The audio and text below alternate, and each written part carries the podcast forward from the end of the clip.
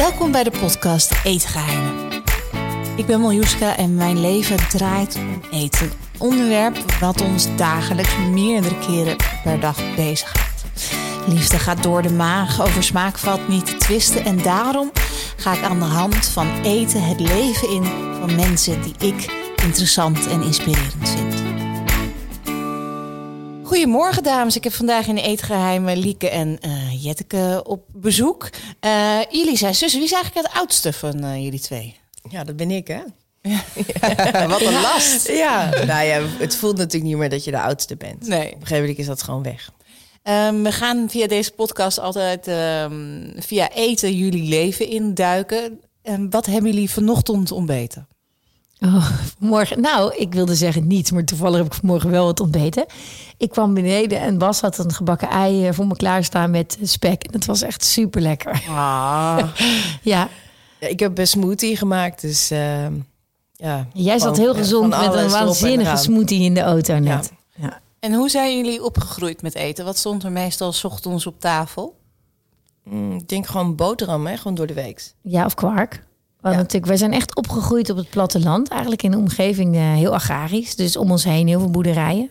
En uh, wij hebben wel heel erg, ja, wij zijn heel erg opgegroeid met uh, groenten van de seizoenen. En wij aten eigenlijk altijd gewoon wat er op het land was. En ook verse melk van de boer. Dus we hadden altijd wel echte kwark. En lekker fruit erin en zo. En een beetje granola. Mijn, mijn vader doet dat nog steeds. Die maakt iedere ochtend voor mijn moeder een lekker ja, bakje met kwark en dan wat, wat fruit erin. En dat kregen wij vroeger ook wel. Die ging dan toch uit bed en dan maakte ook vaak uh, toch verse jus, weet ik nog. Verse uh, sinaasappeltjes kregen we dan, weet je, als het voordat we naar school gingen. En verder waren we gewoon heel druk met boterhammen smeren. Want dan ging je de hele dag door en dan had je gewoon je boterhammen mee met uh, plakken kaas erop. En heel ver fietsen naar de middelbare school en zo. Dus dat hoorde er natuurlijk allemaal bij. Want waar woonden jullie? Ja, een heel klein dorpje bij Utrecht. Mm en uh, fietste dus uh, drie kwartier heen, drie kwartier terug. En ik weet wel, ik had op een gegeven moment een jas met een heel groot voorzak. En daar had ik oh, ja. dus als een kangoeroe allemaal eten in zitten. dus onder het fietsen, dan, uh, ja, dan nam je gewoon wat te snacken. En um, dat is wel, wel, wel, bijzonder. Jullie zijn dus, jij bent actrice geworden, jij bent stylist. Jullie zijn allebei naar de grote stad getrokken. Uh, er zat dus heel veel creativiteit in dat huishouden. Is dat, is dat nieuw in jullie gezin of zat dat er al in? Zijn jullie daarmee grootgebracht? Ja, zijn we echt mee grootgebracht. Ja. ja. Ja, ons vader is etaleur. Die heeft zijn hele leven lang alles mooi willen maken. En uh, ja, als je een ruit voorbij liep, dat je bleef staan en je verwonderde over wat je daar zag. En uh, mijn moeder, onze moeder, is kleuterleidster. Dit is gewoon iemand die de hele leven voor de klas heeft gestaan en ook van niets iets creëerde. Gewoon alleen maar aan het presenteren was. Alleen maar aan het presenteren was. Alleen maar. En echt uh, ook, uh, nou ja, als Sinterklaas op school kwam, dan was het één groot theater. En dan was mijn moeder, daar stond vooraan om Sinterklaas binnen te halen en daar inderdaad een theatershow van te maken. Dus uh, ja, en ook, ik weet wel dat wij ook altijd meegingen naar school. En dan moesten natuurlijk voordat school weer begon in de zomer, dan stonden we alle ramen te schilderen. En we waren altijd bezig. En mijn moeder en mijn vader sowieso, die waren altijd een soort magic aan het creëren in die, in die kleuterklas. Dus dan, als er een thema was, dan werd het hele klas en dat thema gemaakt. Dus het was waanzinnig. En dat was thuis eigenlijk ook zo. Onze, onze kinderkamers ook was een en al kleur. En mijn vader bouwde alles zelf. Want wij hadden het niet breed thuis. We hadden gewoon helemaal niet, uh, was helemaal niet veel geld. Maar dat voelde je dus helemaal niet. Want we hadden alles wat we ons konden wensen. Ons rijkste gezin ever. Uh, qua liefde en, en connectie en uh, verse producten op tafel. Ja, dus, uh, maar er werd altijd dus alles gemaakt. Dus als wij iets zagen, ja, als wij heel veel zelf gemaakt. Ja, werd, werd zelfs werd zelf, weet je, mijn moeder naaide heel veel kleding, dus dan tekenden we dingen en dan naaide zij dat uit hè, en dan knipte ze ah, gewoon. Uh, daar komt dat vandaan. Ja, ja. en uh, eigenlijk ook breien. Heel veel werd er gebreid en ja, dus eigenlijk was het gewoon over overalletjes en klompen. Ja. Dus we hebben eigenlijk ja wel heel veel buiten gespeeld. En als je kijkt naar wie kookt er het meest van jullie ouders, was dat dan je moeder of je vader? Ja, moeder. Of werd, ja. En kon ze dat combineren met school? Want dat is best wel pittig. Nou, ik weet dat ik wel jong was dat ik al begon te helpen met koken. En dat ik dan, uh, dat ik denk ik vanaf een jaar of negen of tien, dat ik een paar gerechten kon. Oh, welke, welke? Ja, ik maakte dan spaghetti. Ja. Uh, of um, ja, eigenlijk kon ik al best wel snel best wel veel. Ja. Dus um, ik vond het, misschien ben ik begonnen echt met spaghetti maken. En dan heel snel snap je ook hoe aardappels koken werkt. En, um, en, en, laat maar zeggen, wat, wat groenten en, uh, en een ovenschaal. Ik vond het denk ik wel leuk om haar te helpen. En welk recept daarvan kook je nu nog steeds? Ehm, nou, ik denk eigenlijk nog wel dat die basis van spaghetti, dat die nog steeds eigenlijk wel daar vandaan komt. Mooi. En wat is, wat is het lekkerste gerecht wat je moeder maakt? Waar, waar verlangen jullie naar terug als je naar huis rijdt en je weet, ik ga lekker even. Althans, kijk, ik ben met mijn moeder is dat anders. Ik kan niet naar mijn moeder toe rijden, maar um, um, ik het is natuurlijk niks is zo geborgen als een ouderlijk huis. Waar je zo even lekker toch thuis kan komen. Ook al ben je 30, 40, 50. Dat maakt allemaal niks uit. Maar die verhouding blijft natuurlijk hetzelfde. Ja, ja, ja. ja, ik moet zeggen, maar ik weet niet hoe jij dat ook... Ik vind dat mama heel goed kan bakken. Aha. Dus ik vind eigenlijk, als we naar huis toe rijden... dan, dan denk ik altijd van... oh ja, ze zal vast wel een appeltaart gemaakt hebben of zoiets. En vaak is dat ook wel zo. Feestje. Ja, dus wel eigenlijk vers geklopte slagroom met een taart. Dus dat is hoe ik mama eigenlijk altijd, of thuis, hè, als ik naar onze ouders toe rijd. Nou, ik vind ook een mama de gehaktballen heel lekker. Oh, die zijn zo goed. Ik vind eigenlijk een mama er uh, andijvie met een gehaktbal vind ik echt super lekker. Die krijg ik echt niet zoals zij hem krijgt. Ja, bietjes of rode kool, ja, gewoon echt, kan ze ook met ja, een gehaktbal. Lekker prakkies, lekker ja. shootje er overheen. Ja, ik vind dat toch wel, uh, dat vind ik ook wel echt mam. Ja. ja. En heeft zij of jullie vader um, jullie toen jullie klein waren al inzicht gegeven in alles wat met de maan te maken heeft. Want jullie hebben natuurlijk die maankalender gemaakt. Maar waar, waar komt dat vandaan? Is dat iets waar jullie mee zijn opgegroeid? Of hoe, hoe moet ik dat zien? Nou, eigenlijk niet zozeer zo bewust. Ik denk meer dat wij zijn opgegroeid dus, dus heel erg in de natuur. En dan mhm. zie je de maan wel altijd. Want je hebt mhm. natuurlijk altijd een, een hemel waar je in kijkt. Ja. Uh, en wij waren wel ook altijd al vanaf heel jongs van heel romantisch. Dus in de zin van, wij geloofden wel heel erg in sprookjes. Dus uh, ik sowieso, ik zat uren met de koptelefoon uh, boeken te lezen. En dan, weet je, dan kreeg je het op je koptelefoon, dat met je Walkman kreeg je dan door wat er gezegd werd. En dan bladerde je er steeds als het pingeltje ging. en daar was de maan altijd heel belangrijk. Dus je, hoe je het ook wendt of keert, hij kwam continu terug. Of ze kwam continu terug. En uh, dat, dat ze zo'n kracht had, dat was ik me niet, dat was niet bewust. Dat heeft ons moeder ook niet zozeer verteld. Maar als, ik, als we dus nu op terugwerkende kracht daarmee bezig zijn, dan heb ik wel door dat we eigenlijk dat altijd al leefden. We leefden onbewust in het ritme van de maan. Ja. Dus ook met, met gewassen en ook met gewoon hoe we dat deden en hoe we gewoon leefden. Ik denk dat als je dicht bij de natuur staat en een bepaalde rust durft toe te laten in je leven, dat je het onbewust al helemaal goed doet. En had jullie moeder ook een moestuin? Ja. ja. En hield ze daar dan ook rekening met de maan? Van het planten en dat soort dingen? Niet, uh, niet dat we niet bewust. Dus het zou best kunnen dat als je terugkijkt, dat het, omdat het altijd zo goed ging in de moestuin, dat ze dat eigenlijk onbewust gewoon op haar gevoel gedaan heeft. Mm Maar dat is iets wat, uh, dat moet maar een keer gewoon net bij je binnenkomen. Hè? Ja die informatie. En uh, onze moeder die heeft dat echt pas later is erachter gekomen. Wanneer is het bij jullie zo sterk geworden? Want het is nogal wat. Hè? Jullie maken die kalender zelf. De investering is zelf. Um, wanneer is dit beginnen te borrelen? Iedereen heeft wel, wel zo'n moment dat je denkt, eh, nou, bij, bij chefs zie je het vaak. Die beginnen aan één gerecht en die denken, nou, dit, je voelt in je onderbuik, dit zou het wel eens kunnen zijn. En dan gaat zo'n restaurant daarop vliegen. En voor jullie is er dus iets geweest met een maan waarvan jullie dachten, nou, dit, hè, hier moeten we iets mee.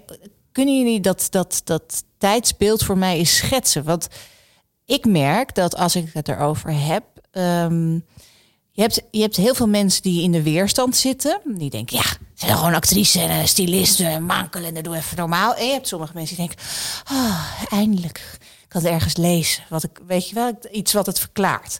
Um, hoe is dat bij jullie ontstaan? Nou, eigenlijk was dat wel heel bijzonder. Uh, ik uh, was uh, terug aan het rijden met, met mijn twee zoontjes en mijn man vanuit het zuiden van Frankrijk. En dan heb je ergens altijd wel een stop nodig, want anders is het net te pittig. En we kwamen in de Jura terecht. En de Jura is een mooi gebied in Frankrijk, mm -hmm. waar ze ja, mooie wijnen maken, hè, Arbois en, en Comté kaas. Nou, in ieder geval echt heel agrarisch. En um, uh, wij sliepen daar gewoon een nachtje. En we bezochten dat dorpje. En midden in de week was eigenlijk het halve dorpje dicht. Zo voelde dat. En toen we terugkwamen bij ons bed and breakfast, zeiden we van jeetje, wat een prachtig dorp, maar het voelt zo dicht. En toen, uh, toen zeiden zij van ja, maar wij leven hier op de stand van de maan. En het is vandaag gewoon een, een dag waar iedereen gewoon wat rustiger aan doet. En toen dacht, keken mijn man en ik elkaar aan van... krijg nou de hik, wat is dit dan? Weet je wel, hoe dan? Stand van de maan en, en leven met de stand van de maan. Maar ja, deze mensen waren gewoon... ja, er was ook geen spel tussen te krijgen. Je voelde ook wel van wauw, dit is wel iets. Heel kort over gesproken, maar vooral naar teruggegaan naar huis. En uh, mijn zus en ik bespreken sowieso altijd alles. En uh, ja, het was gewoon iets wat wel echt binnenkwam. En uh, toen ik het ook aan Liek vertelde, was het ook van wauw, te gek. En toen zijn we ons enorm gaan verdiepen, omdat we het heel veel omdat we het zelf wilden uitzoeken van hoe werkt dat dan? En hoe kan het dan dat wij dat eigenlijk niet meer echt weten? Mm -hmm. En dan ga je een beetje spitten en dan zie je eigenlijk dat al alle grote volkeren voor ons leefden met de stand van de maan. En of dat nou in de islam is, of dat dat nou de Maya's, of de Inca's, of de Egyptenaren, uh, noem ze op. Iedereen leefde gewoon met die kalender in de lucht. Alleen wij zijn, ja, ik denk een beetje rond de industriële revolutie, waar we dachten van iedere dag moet gewoon helemaal aan. Ja. En we moeten gewoon alles uit de dag halen. Iedere dag is het gewoon, uh, ja, we gaan niet aan die, aan, aan die maanritmes doen. Dat is niet efficiënt. Nee. En uh, um, eigenlijk is dat natuurlijk, um, uh, ik denk, daardoor een beetje weggeraakt. En, um, maar wij vonden het leuk om weer eigenlijk het er een beetje terug te brengen. Hè? Dus het stof eraf te blazen en gewoon te zeggen van joh, wij voelen dat heel erg. En dan zullen er ongetwijfeld een paar mensen zijn die dat ook hebben. En hoeveel jaar geleden is dat, dat je in dat dorpje Jura was? Uh, acht jaar geleden, denk ik, hè? ja, ja. een jaar of acht geleden. Toen hebben we ons enorm, uh, laat maar zeggen, verdiept. Het is best wel heel veel huiswerk wat je aan het doen uh, bent. En dan zoek je de juiste deskundigen die hier ontzettend veel van weten. Mm -hmm. En hebben we ons mini-teampje eigenlijk verzameld. En toen zijn we gaan schrijven. En toen konden we niet meer terug. Toen hadden we echt zoiets, oké, okay, we zijn halverwege. Wat een werk. Maar uh, ja, we moeten dit wel gewoon doen. Uh, dit is waarschijnlijk toch iets uh, wat een roeping is. En hebben, we, hebben we het eigenlijk neergezet. En um, het succes was eigenlijk zo groot dat we zelf ook dachten... wow, er zijn inderdaad wel veel meer mensen die dit leuk vinden en voelen. De maan gaat over je gevoel. Ja. Ja, en zo geschieden. Ja, ik, ik heb al mijn hele leven gehad met volle maan. dat ik dacht dat ik gewoon... Of ik ik krijg sowieso altijd heel veel energie. Moet mijn hele huis opruimen. Alle kasten moeten leeg. Dat.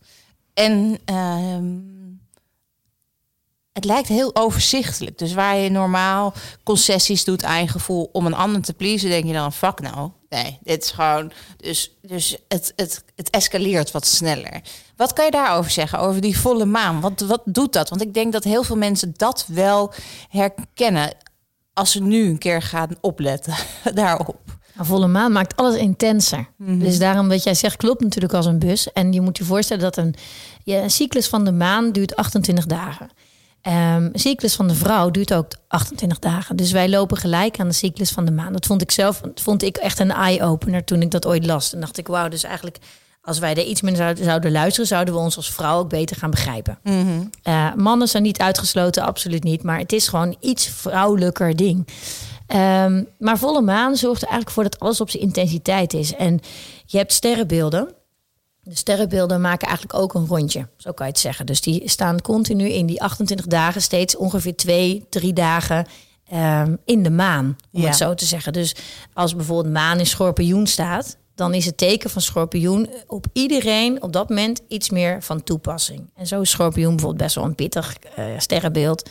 Uh, kan ervoor zorgen dat misschien het onderhuidse uh, meer naar boven komt borrelen. En in combinatie met een volle maan is dat dus extra intens. Mm -hmm. Dus klap je er veel sneller dingen uit.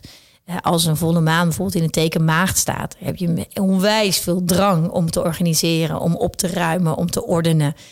en zo heeft elk sterrenbeeld eigenlijk een eigen karakter. Dus dat speelt ook nog heel erg mee.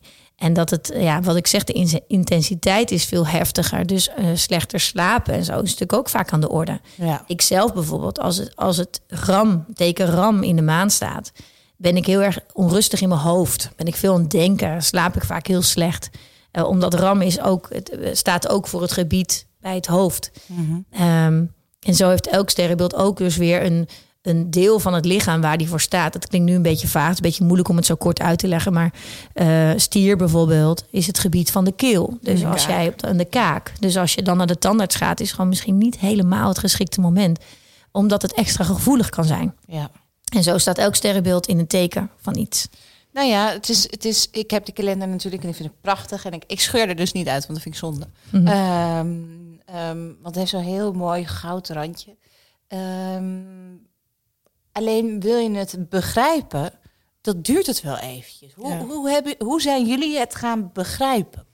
Nou, als het eenmaal valt, Mhm. en die, eigenlijk die twee dingetjes die, eh, eh, waar je rekening mee moet houden. Dus eigenlijk dat de maan klimt en dan weer teruggaat naar kleiner. Dat kennen we allemaal in de lucht. Eh, dus op het moment dat hij gaat klimmen, neemt de intensiteit toe. En het moment dat hij van vol weer naar helemaal donker gaat, dan laat alles wat meer los. En als je dat als basis al begrijpt, dan denk je, oh ja. Dus loslaten betekent ook loslaten in je hele systeem. Maar ook bijvoorbeeld loslaten kan ook betekenen dat je ehm, ehm, Nou, blokkades makkelijker Ja. af kan schudden. Hè? Of eh, als je het hebt over een detox bijvoorbeeld. Die ja, doet of het, afvallen. ja, afvallen doet het dan ja. beter bij afnemende maan in plaats van wassende maan. En Ja, ja. afnemende maan is dan de maan in dat wat Jet zegt van volle maan dat die vol is naar helemaal donker. Ja. Eh, en eh, ja, alles andersom als je bijvoorbeeld over beauty hebt. Dus je hebt het over hydrateren. Mhm. Dat werkt weer lekkerder van de nieuwe maan naar de volle maan. Want Ja. dan neemt alles toe. Dus eigenlijk is het best wel een. Het is eigenlijk best wel een simpel iets. Maar het wordt heel lastig uitgelegd. En wij vonden dat zelf ook best wel vermoeiend. En daarom voelden we ook heel erg de behoefte om het Te op- versimpelen. ja, te versimpelen. En op een leuke manier naar nu te halen. In plaats van al die moeilijke materie, oh ja, omschrijvingen. Nou, ik denk dat eigenlijk het belangrijkste is dat we gewoon allemaal zelf wat meer gaan voelen. Mhm. Op het moment dat je zelf gewoon echt gaat voelen hoe je je voelt, dan is die link ook wat sneller gemaakt. En dan is het leuk eigenlijk om dan eventjes te kijken van... hé, hey, ik had vannacht dat ik bijvoorbeeld echt eh, vanaf vier uur wakker lag. En ik heb dus met nieuwe maan dat ik altijd heel onrustig slaap. Nou, dat, was, dat is dus afgelopen nacht. En het, hij stond in Steenbok. En Steenbok staat heel erg voor ambitie en voor werk. En ik heb dus echt heel erg dus daaraan zitten denken. En eh, toen dacht ik, ja, het verbaast me eigenlijk niet dat ik vandaag wakker ben. Nee. Dus dan is het meer van, ach, weet je, je wordt wat liever naar jezelf. Het lijkt wel alsof dat liever worden naar jezelf toe en dat naar jezelf luisteren iets is wat alles zo rond je 35ste komt. Hè? Als jullie ehm, terugkijken op je leven, ehm, hoe is jullie band met eten geweest? Want wij zitten natuurlijk heel erg in een, ehm, in een uiterlijk gedreven maatschappij, waar ook de maat vaak eh, telt. Ehm, heeft dat jullie, jullie band met eten beïnvloed en heeft het wanneer hebben jullie voor het eerst echt connectie kunnen maken met je gevoel? Hoe lang hebben jullie daar vanaf gestaan? Ja, ik denk dat ik altijd wel heel erg met mijn gevoel al één ben geweest. Oh ja, Ja, wat fijn. ik heb gewoon eigenlijk altijd wel vanuit mijn core gewerkt, ook als stylist. Ik moest altijd ergens over gaan en ik moest altijd vanuit mijn tenen moest ik mijn gevoel in een shoot eh, laten zien. Bij mij ging het altijd over de modellen waarmee ik werkte, dat het echt dat ik hun ziel voelde in de foto en niet dat het maar gewoon een meisje was waar je iets op aanhing, weet je wel. Voor mij ging het echt over de persoonlijkheid achter iemand. En eh, bijvoorbeeld ook kijken naar eh, wat kan die persoon goed en dat dan vermengen in de shoot. Dus Ja, iemand en heel jij gebruikt ook ja. altijd wel de vier elementen. Ja, Als altijd ik- als- elementen. De maan is veel teruggekomen als ik terugkijk. Oh ja? Ja, dus eigenlijk was eigenlijk mijn gevoel stond altijd op nummer één. Omdat ik anders, als ik mijn gevoel niet gebruikte, dat ik ook niet eh, voelde dat de shoot aankwam. En het moment dat alles echt in complete ehm, samen in harmonie ja. was, dan was het, laat me zeggen, de mevrouw van de Bakker die me aansprak. Tot aan dat je een kaartje kreeg van Karl Lagerfeld van wauw, dit was echt niet normaal mooi. Weet je, dus dat eigenlijk iedereen, wat je ook hoopt, hetzelfde eh, voelt. Van wauw, dit was mooi, het raakte me. Dus eigenlijk ben ik altijd wel trouw gebleven daaraan. En als, als je het hebt over de vier elementen, dat is voor jullie natuurlijk heel eh, vanzelfsprekend. Maar wat, wat, wat zijn de vier elementen? Lucht, aarde, vuur. En welke mis ik? Ja, ik zit te denken, welke mis je nou? aarde, vuur. en, Water? eh, Water. Water. Ja, Ja. Grappig, mijn kinderen zeggen dus heel vaak... als je één kracht kan hebben, wat is het dan? Lucht, vaat, water, vuur of eh, Aarde. En dat, dat is, dat, voor hun is dat een superkracht. Dat Dat is is dus heel mooi. Maar ik heb het ze nooit geleerd. Grappig. Ja, want het is dus een oerding. Ja, en- Eigenlijk weten we alles al hè, in, op, in dat vlak. We worden erin een beetje afgeleid. Ja. En, en jij, Liek? Nou, ik ben wel, eens dat, ben wel eens weg geweest van dat gevoel. Ja, en ik vind het nog steeds wel moeilijk af en toe. Omdat ik, eh, ik denk juist dat ik, eh, ja, ik ben een en al gevoel. Ik ben ook misschien te gevoelig af en toe in de wereld waarin wij zitten. Uh, dus ik kan ook wel echt last hebben als ik op een set sta en het is niet zuiver of het klopt niet helemaal. Dan neem ik dat over en dan trek ik dat naar me toe. Mm -hmm. En dan zit ik daarmee. Dan ben ik niet op mijn best. Weet je, dan voel ik wel dat ik daar een blokkade bouw.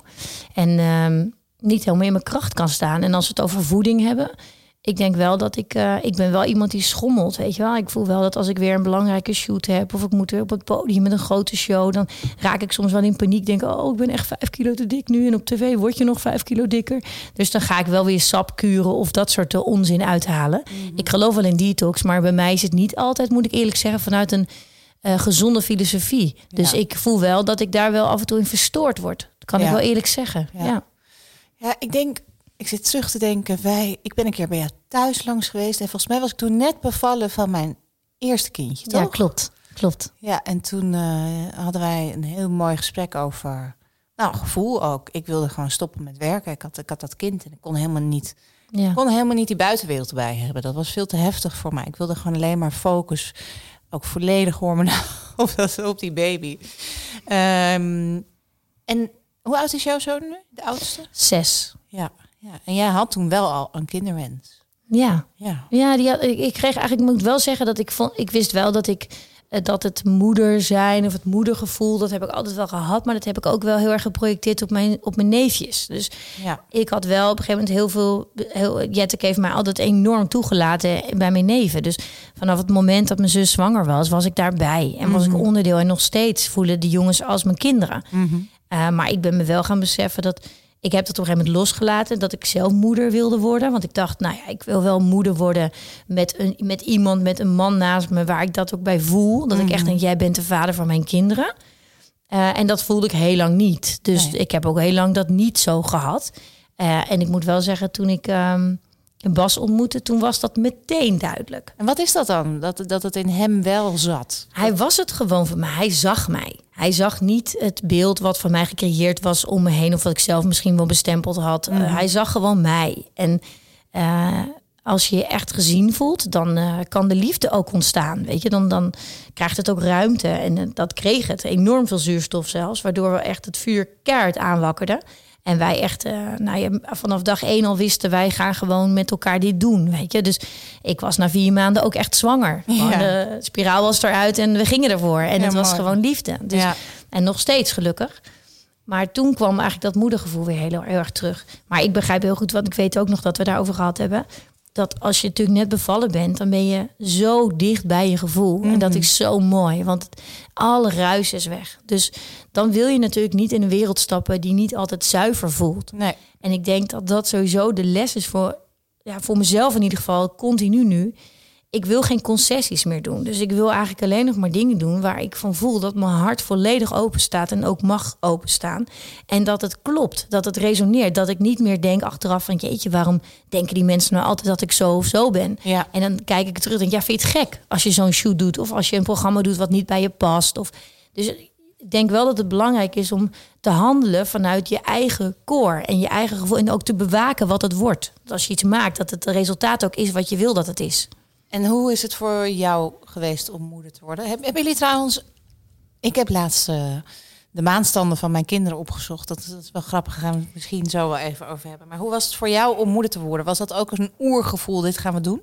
Ja, ik vond het heel, heel bijzonder. Ik wilde heel graag moeder worden, eigenlijk ook al vanaf best wel jong af aan. En dan hoop je natuurlijk dat het mag lukken. Mhm. Eh, ik was jong in verhouding in Amsterdam. Ik was uh, 27. Oh ja, ja. En um, ik weet nog wel dat ik één keertje meedeed met zo'n ademhaling of yoga-achtig ding. Dat was, uh, nou wat is het nu, 14 jaar geleden, 13, 14 jaar geleden, niet echt helemaal aan of zo. Nee, dat was een heel andere tijd. En ik ben daar één keer naartoe gegaan en dat ik echt dacht, jeetje, ik werd aangekeken als een soort van tienermoeder. En dat voelde helemaal niet uh, prettig. Ik denk, nou ja, ik uh, zoek het gewoon wel uit. Ik ga gewoon in, ja, ik ga gewoon aanklikken in, uh, in, in, in de oerkracht. Ik hoop gewoon dat dat er is en mm vertrouwen. Dus ehm, eigenlijk op die manier uh, moederschap in, uh, ingerold. En uh, ja, ik vond het mooiste eigenlijk wel wat me is overkomen. Ondanks het natuurlijk af en toe wel ook heel ingewikkeld is. Ja, maar dat is het ook. Weet je, de, de, Mijn moeder zegt altijd, goh, waar begin je aan? Ja, het is wel echt pittig. Maar je moet er ook niet over nadenken. Nee, je moet het doen. Ja. Ja. Je doet het en het, ik vind het echt het mooiste wat er is. Maar ik merk wel natuurlijk dat het je echt vanaf het eerste moment dat je je babytje vast hebt, is het natuurlijk wel gewoon zorg. Ja. Ja, Ja, de loopt, zorg stopt nooit. nee, je loopt nooit meer met je pinpas en je sleutelt de deur uit en denkt, Nee. nou, toedeledokie. Nou, ik zie wel wat de dag me brengt. Hoe laat ik weer terug ben. Ja, Ja. dat is echt voorbij. Ja. En ehm, ik, had, ik heb hetzelfde ervaring gehad. Ik was 24 hè, toen ik Oh, zwanger was van Rem. En dat is ook 12 jaar geleden inmiddels. En ik zat inderdaad in zo'n yoga clubje. En die, ik had gelukkig het voorbeeld van mijn moeder... die mij op mijn 19 had gekregen. Ja. Eh, en al die vrouwen die zeiden... ja, en dan ga je dan nu stoppen met werken. Want ik was gewoon vanaf het moment dat ik zwanger was overtuigd... ik kan helemaal niet meer werken, ik stop ermee. Ehm, en toen zei ik, ja, dat is gewoon, dit is ook weer een fase, weet Ja. je wel. Dat, dat, dat duurt dan eventjes. Maar er werd inderdaad raar naar Ja. mij gekeken. Terwijl ik dacht, nou, ik zit helemaal ready in de bloei van mijn leven... om kind eruit te persen. Let's fucking go. Ja. Ja, weird. Ja, maar juist dat oergevoel, dat is zo'n oer... De, geboorteangst, ik bedoel, het groeien in je buik is natuurlijk al magie. Ja. Dat dat kan. En dat is mega dicht bij natuur. En eh, bevalling zelf natuurlijk ook. Ik bedoel, eh, meer eh, grounded ga je niet worden. Want je wordt natuurlijk helemaal overgenomen in je systeem. Ik bedoel, je hebt niks meer te zeggen eigenlijk. Nee. Je moet alleen maar intunen op iets, iets groters. Anders kan je, kan je nooit doen wat je doet. Eh, en dat is wel een mooi ding aan kinderen. Dat ze je continu eh, zo'n intense liefde laten voelen. Eh, maar inderdaad, wat Jet zegt ook, ook zo'n... Ze schudden gewoon de boel de hele tijd op. Ja, En ze zorgen ervoor dat natuurlijk alles... Ja, ik zeg altijd practice what you preach. Als je een grote mond hebt tegen je kind... over dat hij iets anders moet doen... ja, dan moet je zelf ook een aanpassing maken. Anders heeft het natuurlijk geen enkele zin. Want Nee. ze kopiëren. ja echt verschrikkelijk. Ja. Ehm, jij hebt dus geen profijt gehad van de wetenschap over de maand tijdens je zwangerschap. Nee. Maar jij ik ook niet. ook niet. Nee, nee niet. toen was het ook nog helemaal niet bij ons aan. Nu achteraf denk ik, jeetje, tuurlijk. Ja, dat- eh, nee, ik wist alleen dat er gezegd werd toen ik eh, bij de ziekenhuizen kwam. volle maan. Je dacht van, oh nou, als het volle maan is, dan heb je wel kans dat, het, eh, dat er geen plek is op de afdeling. Want dan hebben we het altijd heel erg druk. En ook bij nieuwe maan. Dat is het enige wat ik hoorde. Oh, Dus echt? Dat vond ik natuurlijk wel. Dat ik dacht, oké, dan moet het, nou, als het volle maan is, heb ik, dan kan ik misschien niet in het bad. En was het volle maan? nee, het was geen volle maan. Nou, dat scheelt. Maar eh, nou, uiteindelijk kwam het bad er ook niet van. Het liep natuurlijk allemaal anders dan ik dacht. Maar meer van... ehm, dat werd toen wel gezegd. Dus ik vond het wel leuk. eh, Ook natuurlijk op terugwerkende kracht ook weer. Dat toen wij de, gingen schrijven, dat veel doktoren dat dan wel beamen. Want laten we inderdaad eens kijken naar de feitelijkheden voor de, voor de ehm, non-believers out there. Ehm, als je kijkt naar volle maan, er zijn hele leuke statistische feiten over te geven, toch? Nou, ik zou zeggen, dames, shoot me. Nou, we hebben weet geen lijstje gemaakt nu. Nee, nee, nee, nee, nee, we hebben geen lijstje. Maar we hebben wel natuurlijk. eh, je komt omdat je natuurlijk dit. eh, dat mensen weten dat je iets met de maan doet. Dan Ja. komen de verhalen natuurlijk ook. Hè. Mensen houden je aan in de supermarkt. Mensen houden je aan op straat. Ehm, eh, op, voorheen op een verjaardag kreeg je nog wat van te, te horen. Nou, we hadden een keer een leuk verhaal over iemand die bij Paradiso werkte. En die zei, eh, iedere keer als het dan volle maan was... dan zetten ze hun grootste bodyguards eh, of security mensen in. Omdat er altijd on- meer onrust was. Wauw. Er werd harder eh, gefeest, maar ook harder gevochten. Ja, ja, ja. Ja, en, eh, en bijvoorbeeld, eh, we hebben wel eens een, eh, een commissaris van de politie gesproken. Die zei ook van er is gewoon statistisch meer criminaliteit met volle maan. Nou, wat ook wel leuk Ehm. is, vond ik ook wel een mooi. Dat is van onze schoonzus. Dat is echt heel dicht bij huis. Fantastisch. Maar ja. dit is zo'n goed verhaal. Zij is mondhygiëniste. ja. En eh, toen waren wij dus bezig met het schrijven. Dus de kalender was er toen nog niet. En toen belde ze ons en zei ze... nou, dit is echt iets heel raars. Ik weet niet wat er aan de hand is... maar vandaag heb ik gewoon drie keer moeten stoppen bij een patiënt... omdat de mond veel te gevoelig was. Nou, en toen gingen wij, dus, gingen wij natuurlijk voor haar kijken. En ze, ja, vind je het gek? Ja, Hij ja, staat ja. in stier vandaag. Dus dat vond ik wel heel leuk. Omdat ze zei ook, dat heb ik, e- dat heb ik gewoon normaal niet. En zij let ook meer op nu voor Ja. zichzelf. En zij kan dan dus voor ons ook checken of dat zo is. Heel erg blanco. En dat blijkt dus ook echt zo te zijn. Schitterend. Ja. Dus daar wel ja, leuke dingen. Gewoon, eh, ja, of mensen die opeens eh, een appje sturen van... eh, mijn dochter wordt, van, wordt eh, vanmorgen wakker met enorme groeipijn op de knieën. En zegt, nou ja, steenbok in de baan. Ja. Ja, dus dat, dat is meer gewoon... Als je een keer wat hebt, en je checkt het, dan weet je dus eigenlijk dat je gevoel dat je daar echt wel op kunt vertrouwen. Maar waar check je dat dan? Nou, bij ons in de maak. Ja, ja, ja, maar waar zijn jullie begonnen? Nou, waar wij zijn begonnen is natuurlijk lezen. Uh... Elk boek waar maan in stond of moon in stond, zijn we gaan lezen. En dat zijn we gaan bundelen. Dus we zijn natuurlijk gewoon heel veel dingen doorgegaan. En hebben gewoon een uh, samenvatting van gemaakt. En dan kom je ook weer op mensen die het geschreven hebben. Die ga je weer aanschrijven. En dan kom je daar weer mee in contact. De een wil wel meewerken, de ander niet ja, het is gewoon heel leuk hoe dat gaat. En er is veel, heel veel oude informatie. Dus eigenlijk, laat maar zeggen, dus uh, dan kom je bij Pythagoras, dan kom je bij Da Vinci, dan kom je bij Einstein. Er zijn zoveel grootheden die gewoon met astrologie met bezig astrologie, uh, met eigenlijk dat alles weer in verhouding tot alles staat. En ja, dat zijn super interessante dingen. Wij zijn energie, alles is energie. Deze mensen die, die leiden dat helemaal terug natuurlijk. Een soort alchemie is dat ook van het leven. Ja. Uh, en uh, ja, dat, dat willen we nu ook nog meer induiken. Ja, en vind het leuk om dat ook gewoon stapje voor stapje gewoon te delen. En vooral met mensen die natuurlijk heel deskundig zijn. Want wij zijn geïnteresseerden. Mm En, uh, en ja, we laten natuurlijk wel graag de echte deskundigen dit natuurlijk uitleggen. Ja. En als we ehm, naar eten en maan kijken, stel, zou je je kunnen voorstellen dat er een heel receptenboek wordt geschreven, zoals jullie kalender hebben, op de maanstand? Nou, dat kan eigenlijk heel goed. Ja. Dat zou heel interessant zijn. We natuurlijk wel een beetje mee bezig om dat misschien in de toekomst te doen. Maar dat zou heel goed kunnen. Want zoals ik net eigenlijk al omschreef, dat elk sterrenbeeld staat voor een gedeelte in het lichaam. Mm Staat ook voor andere organen bijvoorbeeld. Mhm. Dus bepaalde voeding, dat weet jij natuurlijk nog beter dan wij. Maar de, de helende kracht van kruiden bijvoorbeeld is heel groot. Wij mhm. vertellen in onze kalender ook heel vaak over. Uh, ik zeg maar wat, tijm is heel goed voor de keel. Dus als je, als, nou kom ik weer op stier, maar als je het, keelgebied hebt, dan is het dus heel goed om die dagen extra thee te drinken met tijm bijvoorbeeld. Mhm. Verzachtend. Um, maar dat kan natuurlijk op heel, met heel veel recepten kun je dat doen. Uh, en ook uh, wat we net al zeiden, het een houdt meer vast, het ander laat meer los. Dus een, uh, een, een, reinigende kuur bijvoorbeeld zou je veel meer dus met afnemende maan kunnen doen en daar ook gerechten op baseren. Ja. Dus het is eigenlijk heel leuk. Je kunt daar heel absoluut zeker leuke, leuke ja, dingen mee doen. Dus je zou ook kunnen stellen dat het effect heeft op je spijsvertering. Absoluut. Ja. Absoluut, dat is natuurlijk wel wat het is. Hè? Sommige sterrenbeelden staan ook in, in dat stuk, of bijvoorbeeld uh, het levergebied. Ja. Nou, als je dan bijvoorbeeld um, alcohol nuttigt, dan kan het mhm. zijn dat je denkt, krijgt, nou, wat, hoe kan het nou na drie glazen dat ik me zo heftig voel? Ja. Dat het zo raar valt. En als je dan weer ziet dat het precies die dag uh, dat sterrenbeeld in de maan staat, dan misschien denk je van, ah, daar moet ik wel even een beetje mee, mee hè? Dus een beetje opletten. Een beetje opletten de volgende keer, want ja, ik wil me niet zo voelen. Ja. Als je als je als vis in de maas dat is het voetgebied prima. En dan ook een extra shotje ja. tequila. Ja. Dus uh, nee, maar het is denk ik meer uh, nogmaals, ja, het gaat eigenlijk gewoon over voelen, voelen. Ja. En uh, dichter bij jezelf komen. Ja. Ik denk dat dat het mooiste cadeau is überhaupt in het leven. En dan kom je ook meer in je kracht. Ja.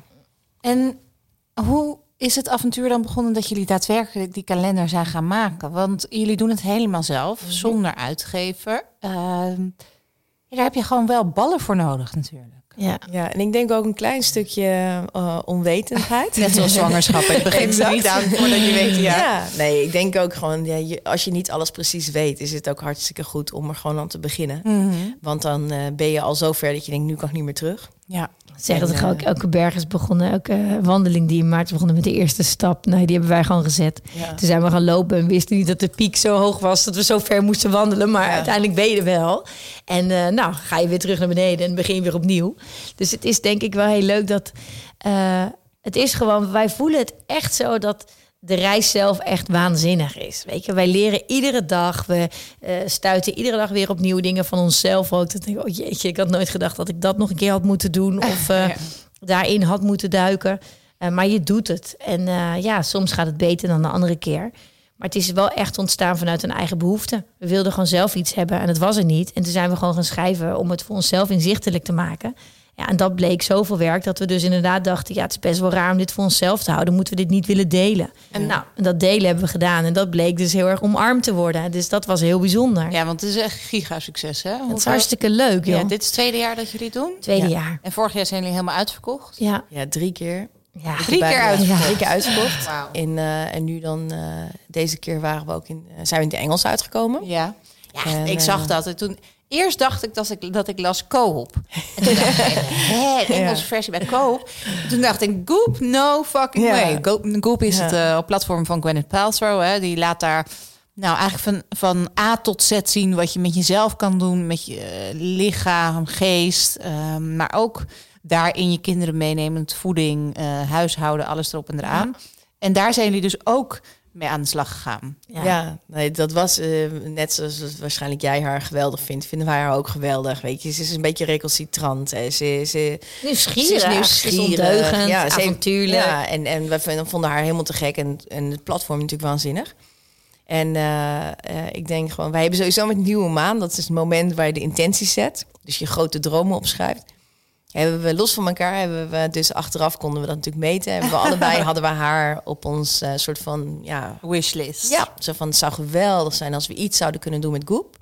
En dat kwam uit. En eh, nu hebben we dus een eh, exclusieve samenwerking voor Canada en Amerika met Goop.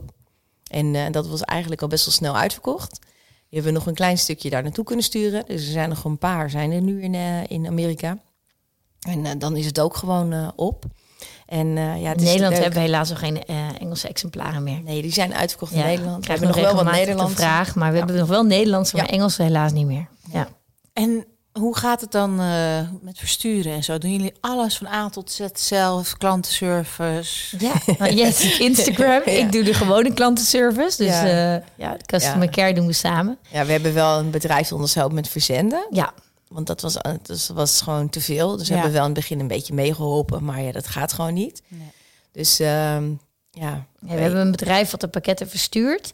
Eh, en dan, maar als, als er iets zoek is, dan kom je weer bij ons terecht. En dan gaan wij weer achter DPD aan en vragen waar het pakketje is. ja. Dus eh, het is wel echt een. ehm, ja, het is gewoon heel leuk hoe dat werkt. En ondertussen bedenken we verder wat we nog meer willen ontwikkelen. Welke Ja. producten er eventueel aan toegevoegd kunnen worden. ja, we staan zelf zakjes te vullen. Hè? Ja. Dus we verkopen nu geboortesteentjes en allemaal dat soort dingetjes waar wij, waar wij van voelen. De kracht van edelstenen. Ja. ja, en dan staan we zelf de, de, de kaartjes erin te doen hè, en, en het steentje. We gaan en, straks eh, weer vullen. We gaan zo weer vullen. De webshop was leeg.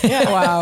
Nee, Ja. maar het is leuk. Weet je, we doen al die stappen doen we zelf. Ja. En ehm, of het nou over finance gaat en rekeningen betalen. Mhm. En of het nou met z'n tweeën bedenken is van ja, hoeveel moeten we daar nou drukken? Of eh, We maken geen businessplan. We zijn de betreft Nee. echt, onze mannen liggen soms in een deuk. Want die zijn best wel gewoon onderbouwd ook in business. En die zeggen, nou, hoe, hoe, waar baseer je dan op hoeveel je er dan nu drukt? Ja, op gevoel zeggen we dan. Nou, we denken gewoon dit. En eh, dat is wel leuk. Dus eh, zij denken, ik vragen dan gewoon heel logisch, maar, hoeveel mensen zijn er dan geïnteresseerd in de maan? Of eh, op welk platform denk je dan eventueel dat het goed is? Nou, wij hebben daar serieus niet in verdiept. Dus we hebben gewoon gedacht, nou, we gaan het gewoon maken. We zien het wel. Ja. En dat doen we dus de hele tijd. Dus we gaan heel erg op ons onderbuikgevoel. ja. En ik moet eerlijk zeggen, dat werkt prima. Dus, en dat houdt het ook leuk, want ja, dat houdt het ook heel dicht bij de kern. En daar hebben we het natuurlijk steeds over. Daar willen we ons heel erg in waken, dat we daar ook bij blijven. En stel dat je dan zo gaat, gaat, gaat, zou gaan uitbreiden hierna. Wat, wat zou je dan toevoegen? Bij mij, ik heb, ik heb hem van jullie gekregen, ben ik echt heel blij mee. Met een mooi groen boekje erbij en een, eh, een prachtig doosje waar ik dus ook alle kaartjes in stop. Wat zeg maar, wat mooie berichten zijn die ik ontvang. Het is een soort, eh, soort, niet alleen voor de dagen, maar ook voor herinneringen een bewaardoosje geworden. Mooi. Wat, wat, wat gaan jullie nog toevoegen? Waarin denken jullie nou, dit maakt ons verhaal completer? Nou, er zijn eigenlijk genoeg dingen te bedenken. Ja, we zijn zo natuurlijk al- druk. Ja. Ja. we zijn heel veel dingen aan het bedenken. Dus eh, ja, we, we, ja, je kunt... Maar het kan echt zo gek niet bedenken. Ik bedoel, jij benoemt net al een kookboek bijvoorbeeld. Dat is natuurlijk super leuk om te doen. Ja. Weet je, En dat is iets wat eh, zeker op ons lijst staat. We willen ook een vast maandboek maken, want natuurlijk nu scheur je steeds een pagina weg. Maar het is ook heel leuk om iets te maken wat je gewoon kunt neerleggen op je tafel en kunt terugbladeren. Ja. Eh, dus dat willen we zeker doen. Ja. We gaan nu eerst wel weer beginnen met het schrijven van de maankalender voor 2022. En als die af is, pakken we meteen door voor ons maanboek. Eh, het loopt ook een beetje parallel natuurlijk. Nee, dus we, ja, wat hebben we nog meer? We hebben een hele Ja. lijst aan Ja, we ideeën. hebben heel veel leuke producten die we gewoon Ja. willen gaan maken. We proberen wel alles heel erg vanuit ambacht. En uit van zuiverheid willen we wel heel erg omarmen. Ja. Dus we vinden het leuk ook om eh, proberen zo dicht mogelijk bij huis te produceren. En het liefst zoveel mogelijk natuurlijke materialen. Ja. Dus als we een kaars maken, dat die dan echt ook wel, als je hem aansteekt, dat hij niet giftige stoffen heeft. Of weet je wel, dat, dat we er ook echt achter staan. eh. Nou, dat hij ook echt iets positiefs met je doet. ja, dat, dat, vinden we, dat vinden we leuk om uit te zoeken. Dus daar zijn we wel mee bezig. Hebben jullie ehm, En kaars dus. Ja, ik snap hem, ja. En Gwyneth Paltrow ook, om allemaal dingen komen op af. Um, um, stel je voor, um, ik heb bij mijn kinderen heb ik uh, een heel uitgebreid uh, sterrenbeeld, uh, ja, voorspelling, hoe zeg je dat, laten Ja, doen. ja. En dat kan je dus ook van de maan laten doen. Hebben jullie dat gedaan bij jezelf, bij je kinderen, bij je partner en toen gedacht, aha, of, of, of zijn jullie daar nog niet? Jawel, maar wij, hebben, wij zijn bij een geweldige astrologe geweest. Nu een aantal jaar geleden, twee, drie jaar geleden. Mhm. En dat was zo leuk. Want uh, ze zei, oh leuk, ik ga de zusjes doen. Weet je, van nee. Het is een oudere dame. Ze, ze ontzettend. Zo'n getalenteerd ja. en mooi mens. En uh, zij heeft ons samen uh, dus eigenlijk bekeken. En dan naast elkaar gelegd. En dus ook heel erg gezien van... Um, ja, dat we dus uh, heel erg, laat maar zeggen, complementair aan elkaar zijn. Mm -hmm. En dat was leuk natuurlijk om terug te zien. En we hebben daarna, heb ik ook mijn kindjes gedaan. Dus mijn, mijn jongens.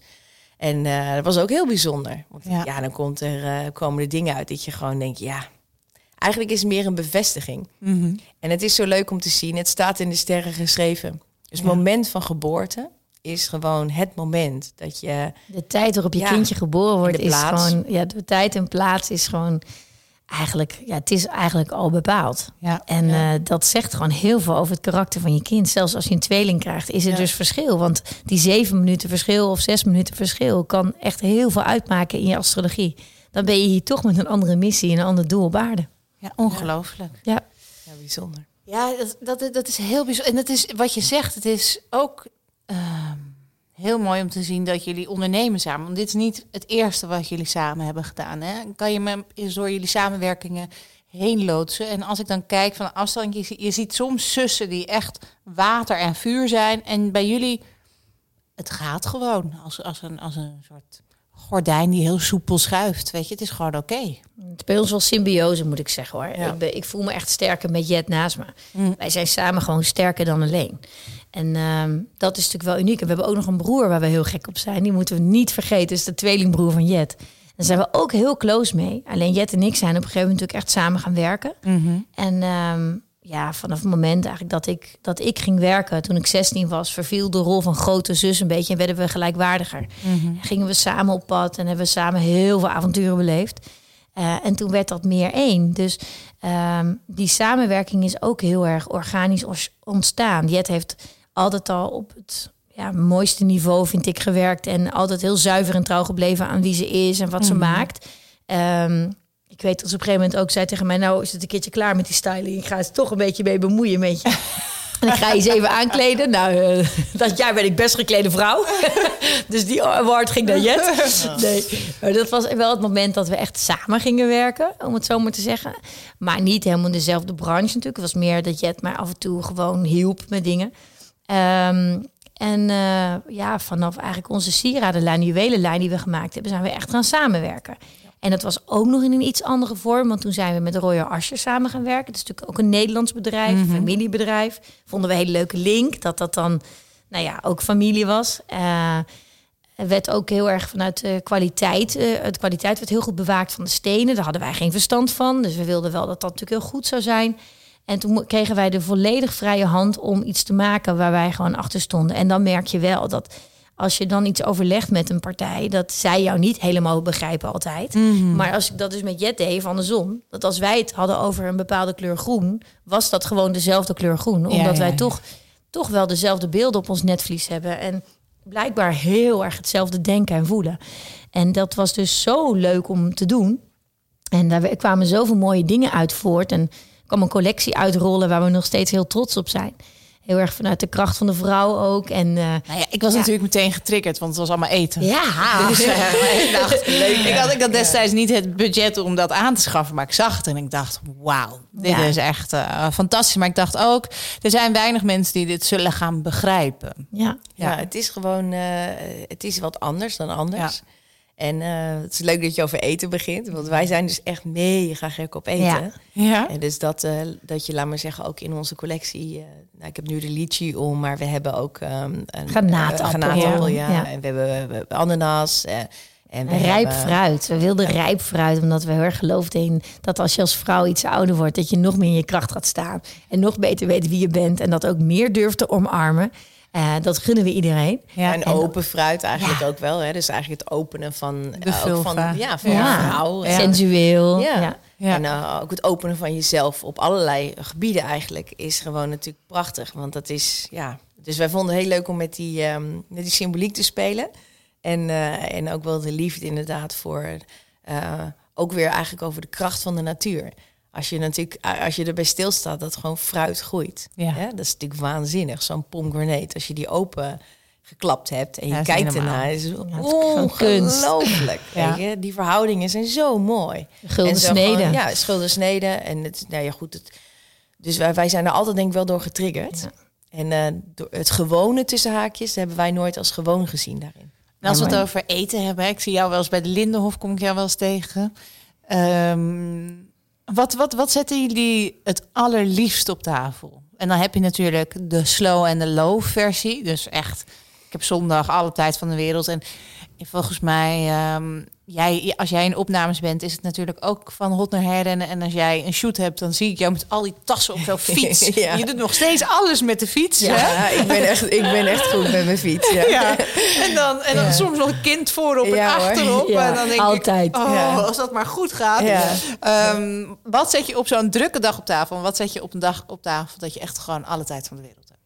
Nou, ik ben wel goed in. Uh, ik hou heel erg van groenten. Mm dus uh, ik heb altijd mijn uh, simpele groentedingen. Dus uh, ik pak gewoon van alles. Dus, Jij kookt fantastisch, joh. Wortel, pastinaak, ja. nou, een paar uien, whatever. Alles wat ik lekker vind, wat ik heb gekocht, meestal in het weekend. Mm -hmm. En ik hak de voor- en de achterkant eraf.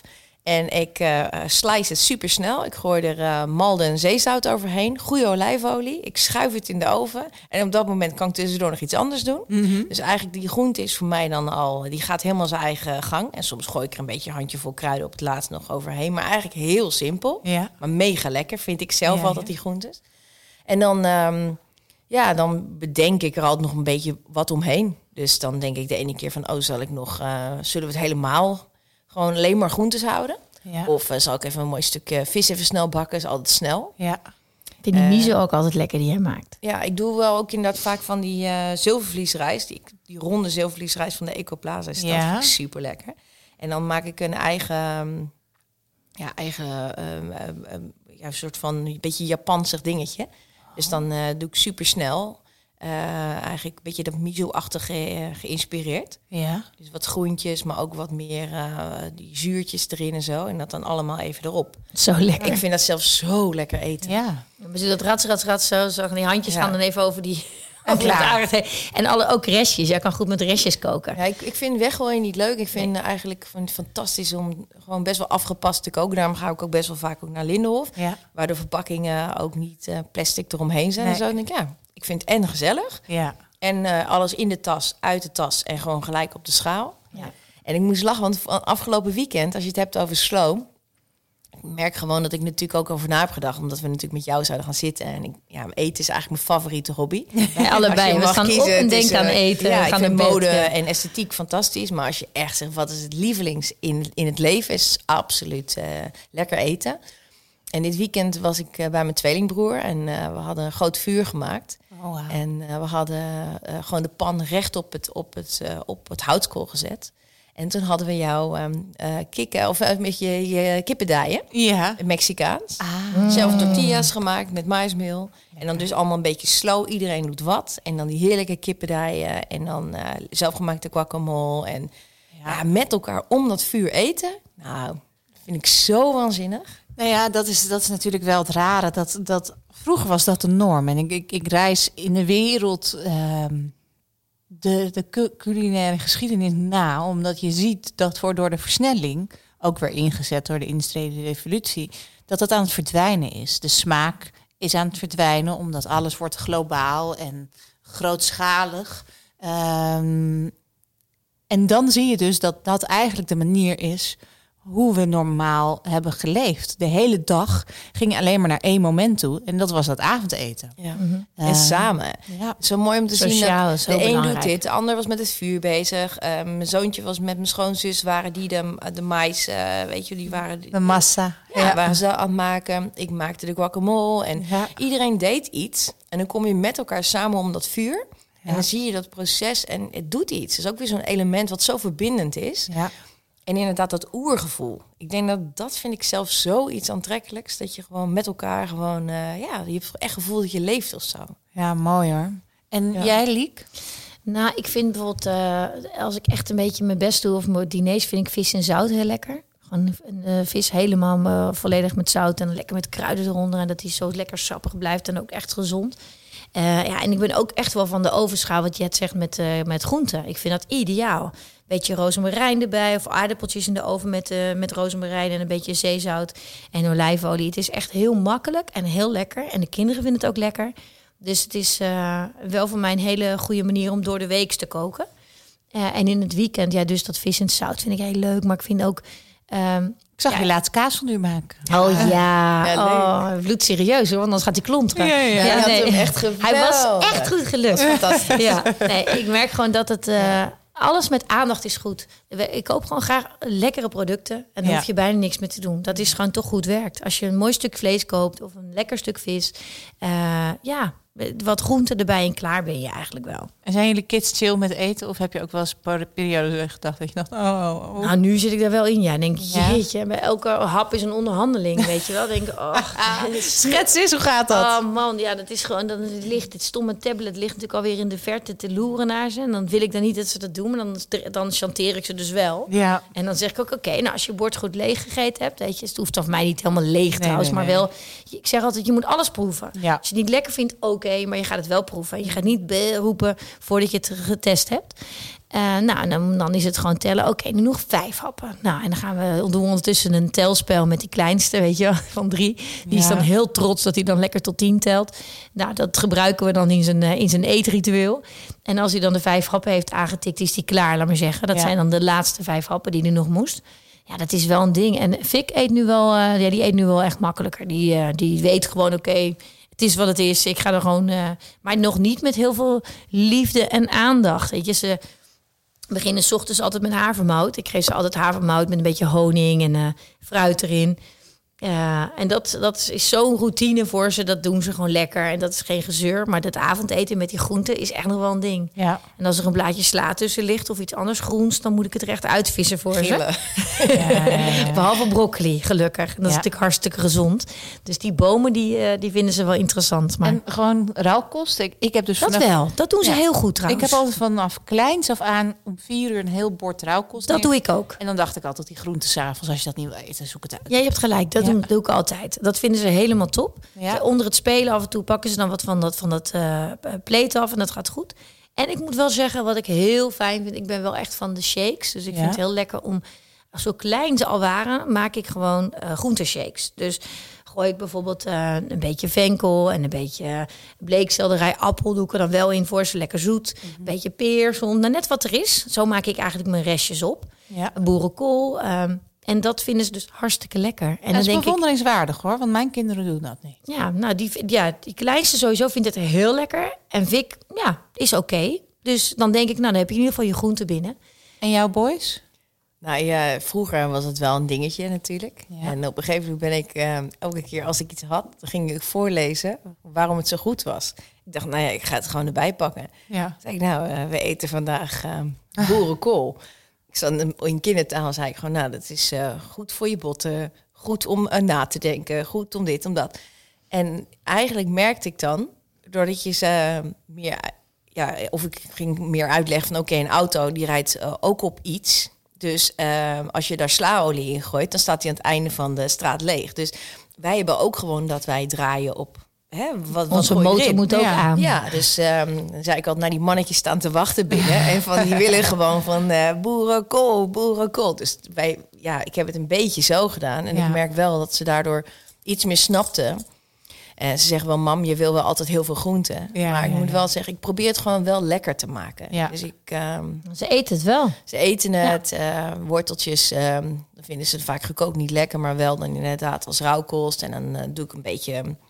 Uh, verse sinaasappelsap knijp ik erover uit. En ja. dan uh, uh, doe ik wat nootjes roosteren. Gewoon maak het een klein beetje ja, gezelliger en lekkerder.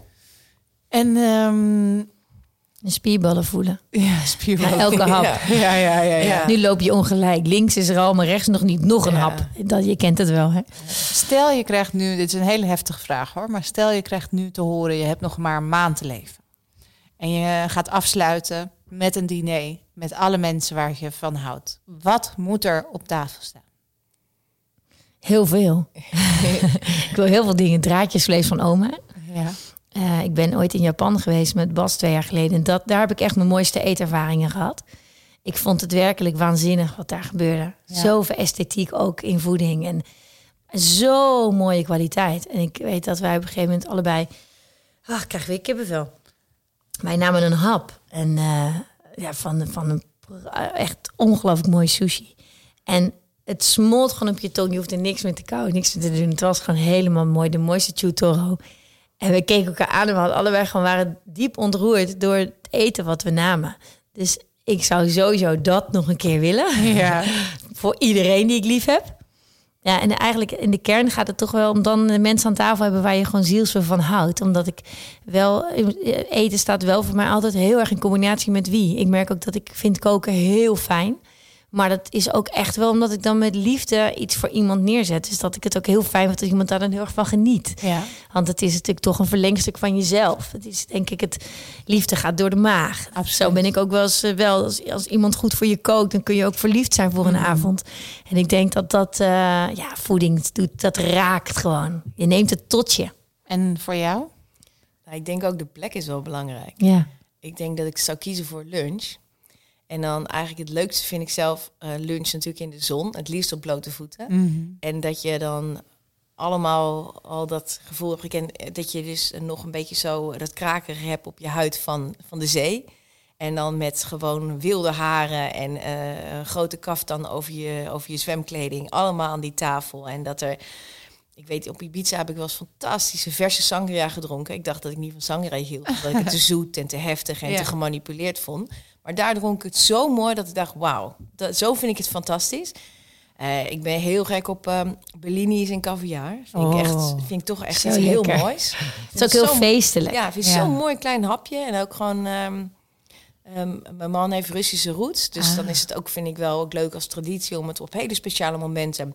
eigenlijk met, uh, met de kinderen en... Uh, het water loopt nu al in de mond. Ja, vind ik heel lekker. En ik zou denk toch gewoon op dat vuur... en ja, grote paella pannen vol en lekker, lekkere visjes en ook vooral goede muziek, waardoor je en danst en geniet van het leven. En ja, ik denk wel echt, dus wel echt die elementen voelen. Ja. Je haar nog nat van de zee en, en, en grote vuren waar gewoon lekker op gebarbecued wordt. En doorgaan tot de sterren aan de hemel staan. Ja, gewoon zo'n eindeloze lunch. En ja, ik denk dan dat als, als je dat is eigenlijk wel volkomen geweldig, toch? Ja. Dan kan je hem wel afsluiten. Ja. En dan, uh... Als we het over geweldig hebben, dit jaar is niet zo geweldig voor heel veel mensen. Nu al niet. Nee. Um, en wij spraken elkaar een tijdje terug en toen zeiden jullie, ja, dat is ook logisch als je kijkt naar de maan en de planeten. Hoe, dat, dat, dat, kan je dat verklaren? Hoe, hoe uh, zoals jullie het mij hebben uitgelegd, zou je dat nog een keer willen uitleggen aan de luisteraars?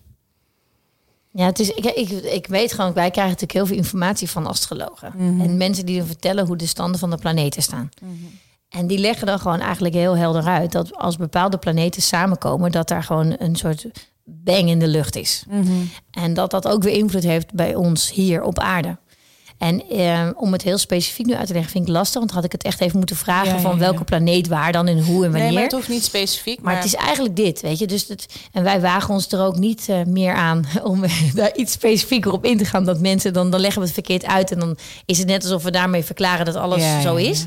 Maar, maar het heeft niet dat je het goedkeurt wat er nee. dan gebeurt. Nee, nee, nee. Kijk, dat de energie in de lucht... Uh, dat er meer is, weet je. Ik denk dat we gewoon misschien als mensen moeten snappen dat we zijn echt minder dan een zandkorrel. En uh, het moment dat je voelt dat alles gewoon invloed heeft op alles, dus zeker ook de planeten op ons, uh, daar hoef je maar gewoon eigenlijk de geschiedenis in te kijken. En dan zie je dus bijvoorbeeld als sommige planeetstanden honderden jaren niet geweest zijn, mm -hmm. uh, en dan dus nu bijvoorbeeld weer voorkomen. Mm -hmm. wat deden ze dan honderden, honderden, honderden jaar geleden? Wat was dat moment dan in de geschiedenis? En wat was dat? Nou ja, interessante dingen. Dus wat, waar we nu ook bijvoorbeeld staan, is het begin van de renaissance. Dus hoe bepaalde planeten staan. Dus het is ook natuurlijk wel schudden, maar tegelijkertijd ook wel weer een nieuwe tijd. Mhm. Dus eh, dat kan je niet van de een op andere dag voelen. Maar er zit ook wel heel veel bijzonderheid aan te komen. Zoals het, in de, in, zoals het dan ons uitleggen. Dus um, het is, er is geen donker zonder licht. Precies. En wat ik ook heel mooi vind, is dat het het Waterman-tijdperk is. Dus we zijn nu sinds heel lang in het Aquarius-tijdperk. Dat, heb ik zo, dat zie ik zo vaak voorbij komen. Waar, wat is dat? Ja, nou dat is dus ja, dat is eigenlijk heel mooi. Want Aquarius-tijdperk, een Waterman is, staat ook heel erg als je, als, je erin, als je erover leest, over gadgets en over techniek, technologie. Dat kan natuurlijk heel positief gebruikt worden, als je het mhm. zo ziet. Maar natuurlijk ook negatief. Het is mm. net hoe je het ziet. En het is meer interessant, vind ik, als je nu naar de media kijkt en wat natuurlijk boven komt, dan uh, voelen natuurlijk heel veel mensen zich heel erg beklemd in alles. En ook, uh, je, je, ziet best wel vaak ook oppoppen van, oh jee, onze privacy en ons ding. Dat heeft natuurlijk ook met technologie te maken. Dat we gewoon inmiddels zo connected zijn door internet, maar daardoor natuurlijk ook overal zichtbaar en volgbaar en noem maar op. Uh, controleerbaar ook wel. En ik denk dat dat heeft ook te maken met, met Waterman. Dus dat kan zich nu ten goede naar ons keren of ten slechte. En ik hoop natuurlijk dat we met z'n allen naar het positieve gaan. Waardoor we misschien juist op die manier, uh, laten we het even naar corona trekken. Mhm. Misschien wel een waanzinnige techniek vinden. Waardoor we gigasnel kunnen testen. Bijvoorbeeld dat iedereen safe is. En dat we weer heerlijk staan te dansen op een festival met z'n allen. Dat het weer kan. Oh. Dus, het, ja, dus Het, het is wel een hele interessante tijd qua ontwikkelingen. Kijk, en weet je, iedere dag is een dag. En soms wil je misschien gewoon als mens alles te snel. Omdat het gewoon niet allemaal leuk is wat er gebeurt. Mhm. Maar vaak als je natuurlijk terugkijkt, zelf op je eigen leven ook. Mhm.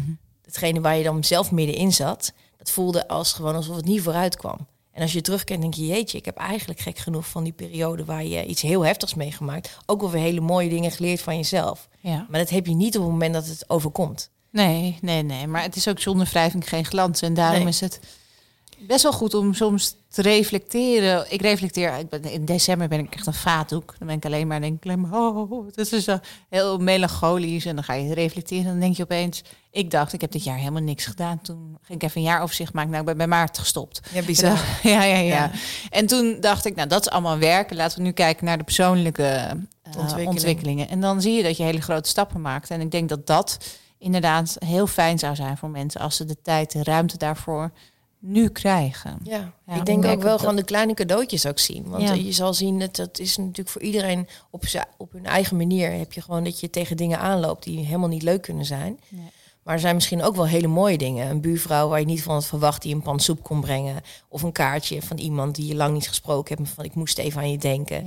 Of wel een appje. Of nou, ik denk ook wel dat als je dat opeens gaat zien, dat je denkt, oh wauw, het is ook wel. Ehm, ja, ook wel verbindend. Weet je? Dus dat er ook weer mooie dingen gebeuren. Ja, onder, onder druk en onder spanning uh, zie je wie je echte vrienden Ja, en dat gebeurt nu natuurlijk wel. Dus je weet nog beter, denk ik, waar je heel gelukkig van wordt.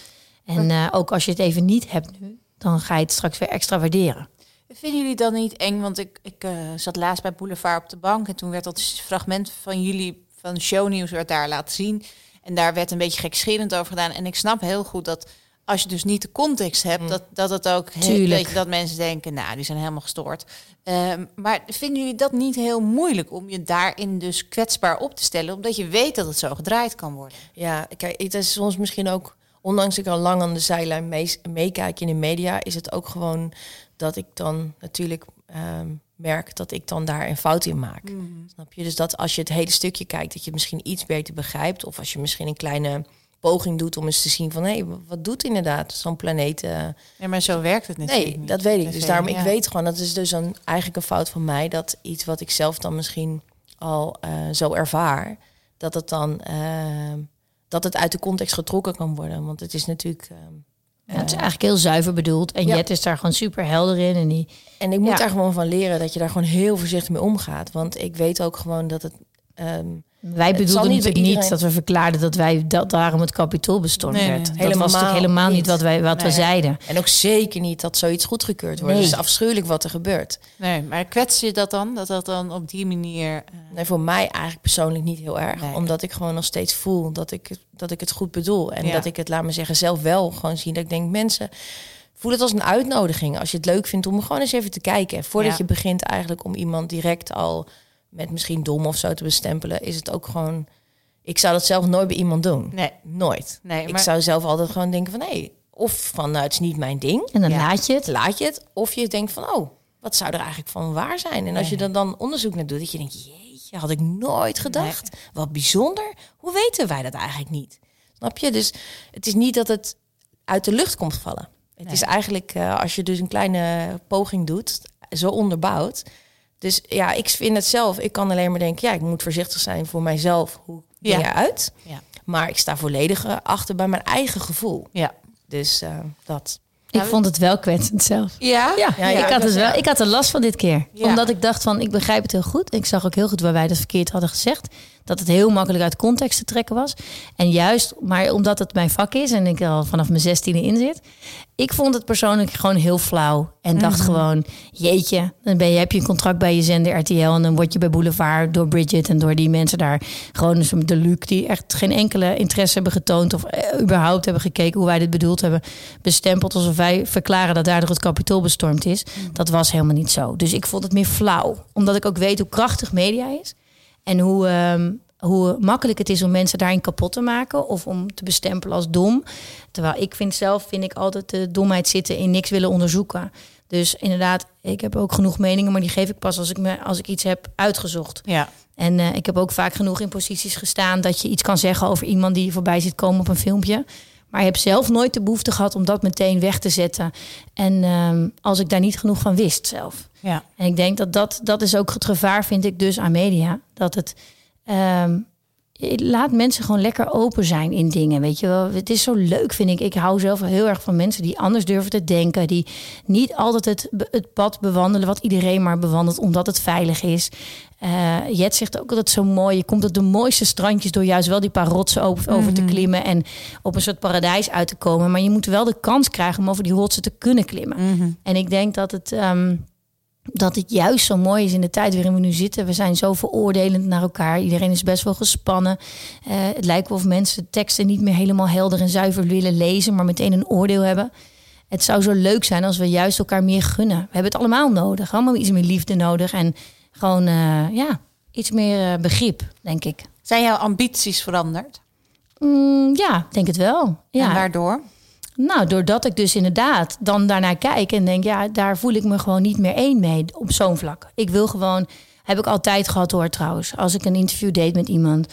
Ik heb voor eh, het leven in puin en van allerlei bijzondere dingen mogen doen.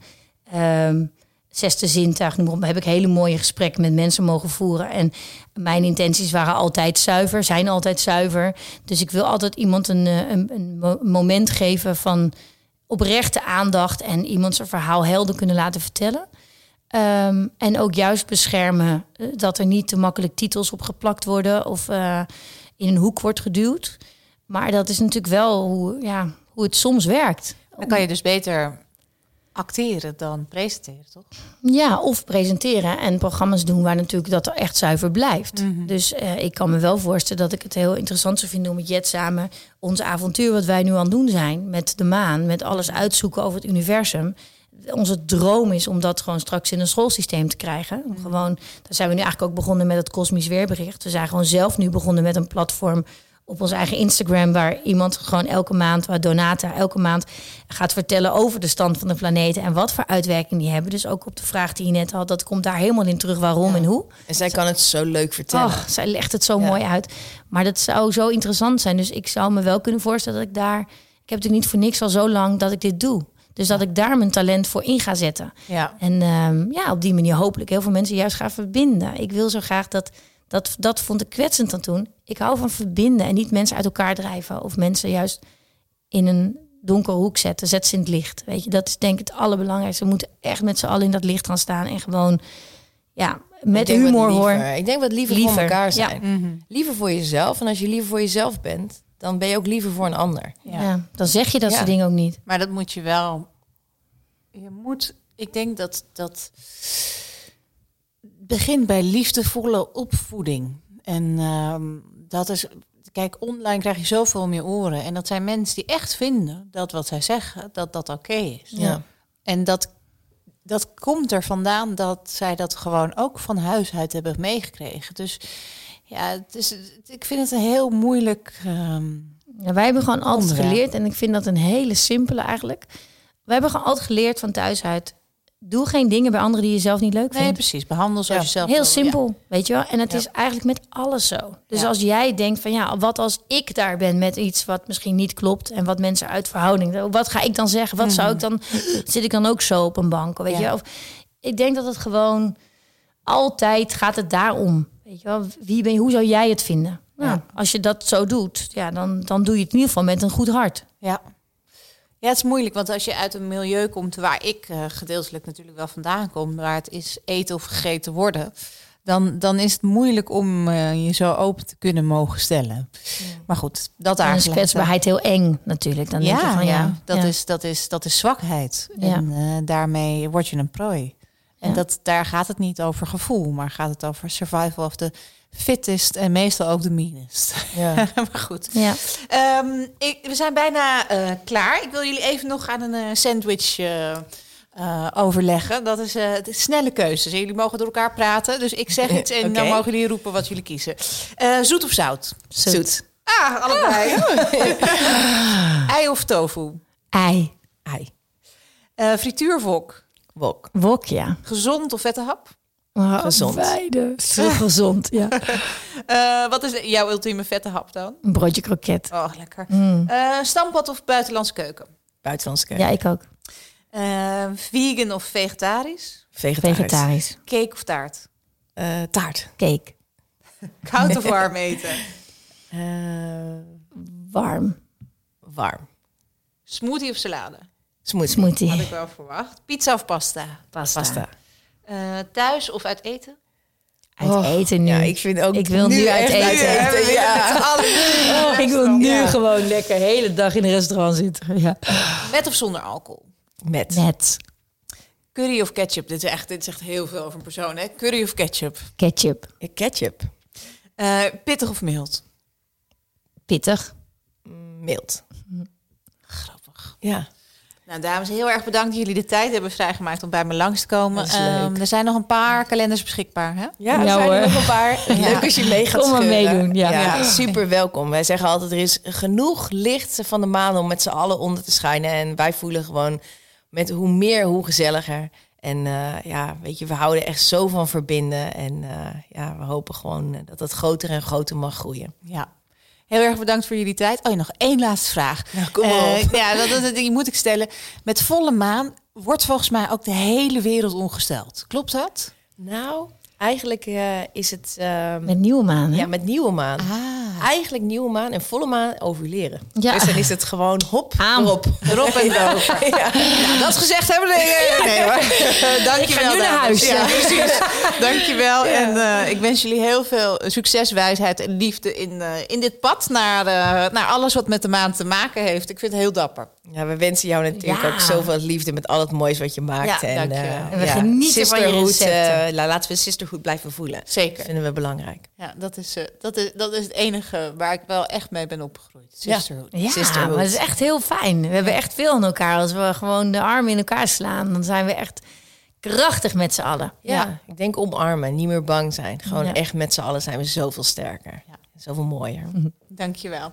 Alsjeblieft.